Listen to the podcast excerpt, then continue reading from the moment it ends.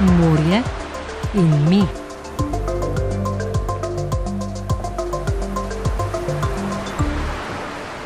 Moram reči, da je ta moj sin, da je tudi kriv, da sem jaz ribič. Ker uh, smo hodili dosti poletje na morje in on je prinesel z vode najdene dve donduli.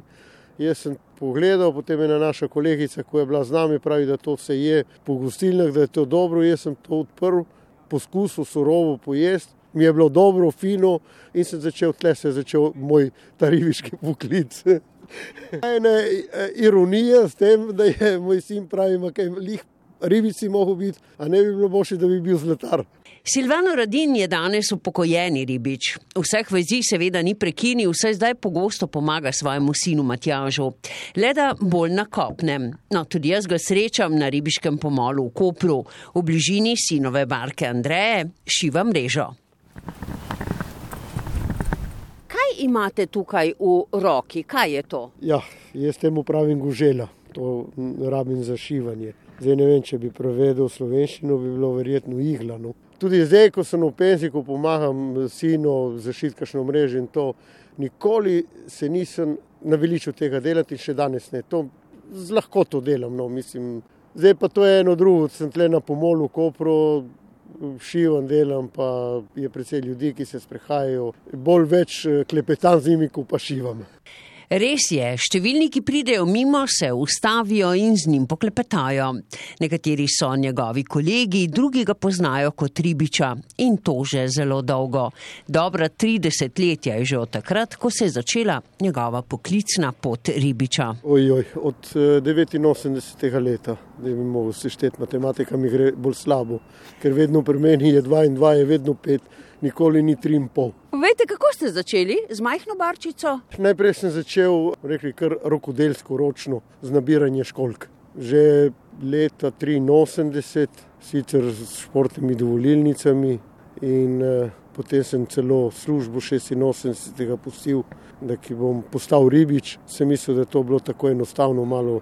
In ko sem prišel na upravno enoto, je bilo treba imeti ribiški spit, pa je bilo treba imeti eno barko za odpreti sploh to.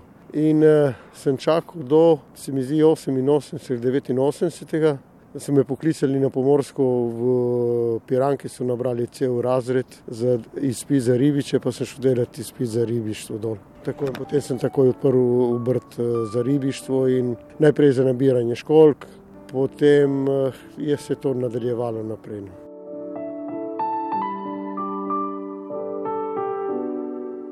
Tradicionalni mali priobalni ribolov ni zan, pravi. Ves čas je namreč lovil s pridneno vlečno mrežo ali kočo.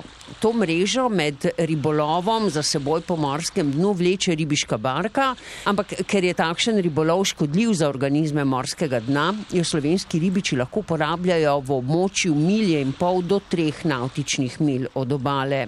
Očesa mreže morajo biti velika vsaj 40 mm. Danes se s takšnim ribolovom pri nas ukvarja še devet gospodarskih ribičev, ki imajo zato tudi posebna ribolovna dovoljenja. Uh, ja, jaz sem kočaril. Tole drugo ribištvo, polaganje mrež in to, to mi ni, ni mi toliko. Mi je bolj to industrijsko ribarjenje, to me bolj nekako zadovoljuje. Ribiči, mali priobalni ribolov, to je lovljenje predvsem z manjšimi barkami od 12 metrov, z postavljanje mrež. Ampak zdaj, ko, ko gremo, če se na slovensko morje gledamo. Problem je, kje ga sploh izvaja ta malo priobalni ribolov. Ker kratko obala, mesta in potem temu primerno zdaj zaščitene obale, krajinski parki, rezervati. Tako da dejansko s tem malim priobalnim ribolovom, ko me nekdo nekaj vsem pa tja vpraša, kot danes vi, malo me popade jeza, ker dejansko če gledamo eno profesionalno upravljati poklic, to skoraj se ga ne da, ker ni, ni prostorja.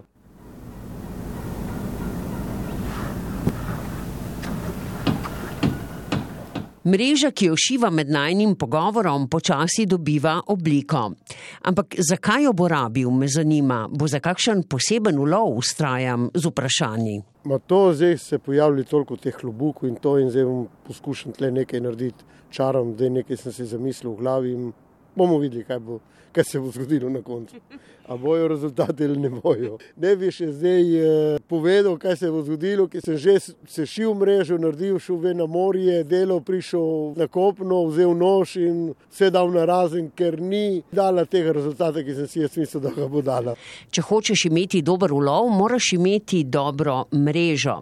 Narediš pa jo lahko samo tako, da res dobro poznaš dno morja, v katerem loviš. Še posebej, seveda, če loviš s povlečnimi mrežami. Ribič, ki si ne zna na svojem področju skrojiti mrežo po dnu morja, ki ga ima, je slab ribič. Vse da se kupiti mreže in tako naprej, ampak mreže so standardno narejene ampak ribiči moramo prilagajati na svojo dno morja, ki je isto kot na suhem. Ima svoje reke, ima svoje močvirje, ima svoje hribe, ima svoje doline, vse je notri to in to skozi vsta ciklus ribarjenja.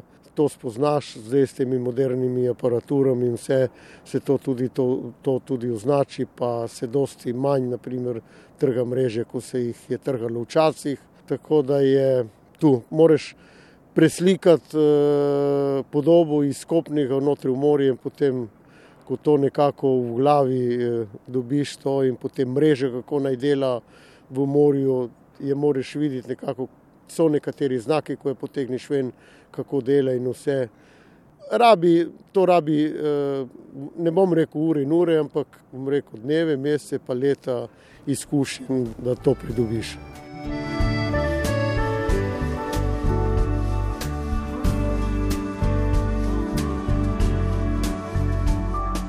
Morje zelo dobro pozna tudi Silvanov sin Matjaš. Pravzaprav je bil prav Matjaš tisti, ki je pri očetu spodbudil zanimanje za ribolov, kot smo slišali v uvodu. Kdaj pa je Matjaš Silvanom sploh začel odhajati na morje? Je malo tudi potem, čez vsa poletja, ki sem jaz nabiral školke, smo bili vedno skupaj. Oni so bili tam na plaži, so se igrali, jaz sem pa hodil v morje to, je lahko rečem, da se je že takrat nalezel tega poklica, morje, ker je stalno sem, mislim, eh, takrat sem se dosti posvečal otrokom, bil dosti z njimi in uh, tako mislim, da je, ne vem, da mu je ostalo verjetno to notri v, podzavesti. No. Pravi Silvano, kaj pa na to pravi Matjaš? Ma ja, od tega otroškega veselja v morju. Na. Koliko let že ribarite? 25. Torej, kar dolga karijera, zakaj ostajate v tem poklicu? Ma. Zakaj? Prvo, zato, ker smo se to nauč nekako naučili delati, drugo, imamo toliko osnovnih sredstev, da v bistvu že težko prenehaš. In tretje je ta neizmerna ljubezen do morja. Tudi oče Silvano je ustrajal v tako težkem poklicu in to zelo dolgo, kot smo slišali. Zato sem hotela izvedeti, zakaj. Katere so lepe strani tega poklica? Ma, mislim, da najlepše je, da te ta poklic izklesa neko, neke vrednote, ki jih imaš. Ker če gledam od eh, lepega vremena, do grdega vremena, do valovo, do pozimi mraza, do poleti vročine, neznosne. In mislim, da te kar eh, življenjsko, te kar dobro zaznamuje in uklesa, tako da imaš drugačne poglede kot uh, drugi, ki hodijo v službo. To je, mislim, v realnem sektorju in po mojem mišljenju zdravem rodarstvu en najtežjih poklicov. Vzemimo za primer njegovega sina Matjaža. Vsak dan vstane sredi noči in se odpravi na morje ali vsaj do ribiškega pomola v Kopru. Večji del lova, tudi on je kočar, proda na ribi borzi v Trstu. Ja, vsak dan, ja če ne drugo, tudi kadar je grdo, grdo vreme, pogledaš barke in tako. Drugače pa nič, kaj zjutraj uh, vstanemo 15 do 4 in gremo spat ob 10. Uh, drugo je pa vse preživimo v, v naravi tega poklica. Zjutraj prodajamo, smo tam v Trstu, da je ne 6 ure in pol uh, na morje. Do večera. Bi ta poklic spet izbral, če bi se lahko znova odločal, vprašam njegovega očeta Silvana. Rada bi namreč izvedela, kako gleda na današnje razmere v slovenskem ribištvu. Ja, to je vprašanje zdaj, ko sem vso to zgodovino, ki sem šel skozi ribištvo in tako kot je tukaj, verjetno se ne bi odločil za to.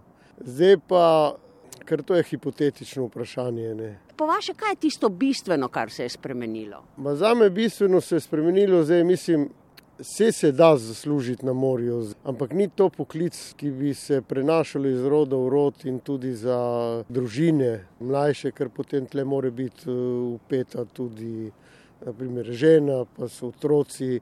In ni, ni perspektivno uh, ta poklic uh, za mlade. Ker je, jaz sem si izračunal nekje, da treba iti 150 krat na leto na morje, da si rentabilen in to na morje ne 8 ur delati, ampak treba iti zjutraj, ko vzhaja sonce in zvečer, ko zahaja, priti nazaj na kopno.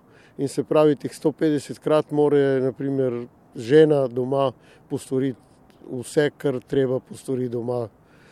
To družinsko življenje je malo drugačno kot uslužbenci, ki grejo v službo, včasih za šesto, zdaj za osmo, in pridejo popoldan domov, pridejo skupaj s družino, se družijo, se pogovarjajo in tako naprej. Vendar pa glede prihodnosti slovenskega ribištva ni črnogled. Zadnja leta, kar nam uspeva nek stik, da so začutili tudi oni, da je ta del ribištva tudi pomemben, če ne drugo za etnološko zgodovino. Jaz mislim, da ne bo, ne bo propadel noben, še vedno, vedno bo, bo ostal kakšen ribič, ki se ga bo videl zjutraj, ki bo šel na morje, pa zvečer, ki pride z morja. Tako da tudi zdaj, če gledam ribiško perspektivo, ki smo ustanovili tlele las Istre in moram reči tlele, da smo počrpali vsa sredstva, še smo ne, neko malenkost za nagrado dobili, da si tlele s tem nekako ribiči pomagajo zdaj malo na morju, malo na kopnem. Tako da je zanimivo. No. bomo videli, kaj bo v tej naslednji eh, finančni perspektivi. No. Koliko bo tlele država zdaj pomagala, pa z evropskimi sredstvi in, in tako naprej. Zdaj, če bomo imeli posluha in če se bo delalo tako, kot se je delalo v bivši perspektivi, jaz mislim, da se bo še nekaj ribičev eh, odločilo, da bo ostalo kot ribiči, ma bo imelo malo na kopnem, malo na morju, tako da bojo lažje preživeli ta poklic. Ker že vidim, jaz, naprimer, jaz sem takoj po samosvojitvi 93. leta odprl tudi ribarnico in potem tudi s tem ribištvom eno z drugim nekako gre naprej. Če gledam tudi zdaj, jaz in žena smo šla v penzijo in zdaj je sin nadaljuje ta poklic z ženo, imamo dva delavca zaposlena in gre nekako naprej. Tako da zaenkrat upam, da bo šlo tako naprej. Ne. Matjaž dodaja. Neki cikli se spreminjajo, vse. Ma, največje spremembe so zato, ker človek pač zelo ogromno posega v morje. Kaj bi tukaj lahko naredili, Matjaš? Kaj? Imate vi kakšen predlog kot ribiči? Ma, ribištvo je toliko manjši, majhen sektor, pa ne govorimo samo za slovensko ribištvo, ampak v Jadranskem morju nasploh je toliko majhen sektor, da napram veliki ekonomiji v bistvu dejansko ne moreš kaj dosti spremeniti. Recimo tle v Kopru oziroma v Sloveniji imamo luko, kjer ogromno posega v morje, to pomeni, da iz leta v leto več bark je, ne, kakor recimo čujemo, ne vem, ja, luka se širi, delajo nov pomol, to pomeni, da na leto sto več bark. Ne. Imamo bar, vedno večje barke, vedno uh, z večjimi ugrezi, imamo plitko morje in imajo strašen vpliv na to tlele. Tako da, ampak temu se moramo lahko, se samo lahko prilagodimo, nič drugega. No.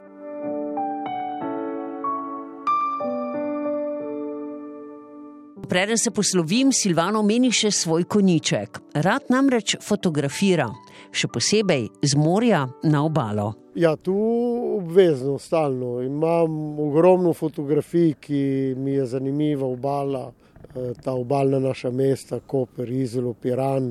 In uh, odvisno od letnega časa, odvisno od zjutraj, od uh, popoldan, od sonca, je kot da se non-stop spreminja. Predvsem to našo flišasta obala, ko je to je vsakokrat drugačna je vidiš z morja na obalu. Jaz imam en posnetek, zdaj, ki je una famozna, najdražja jadrnica, ki je bila tle v Kopru.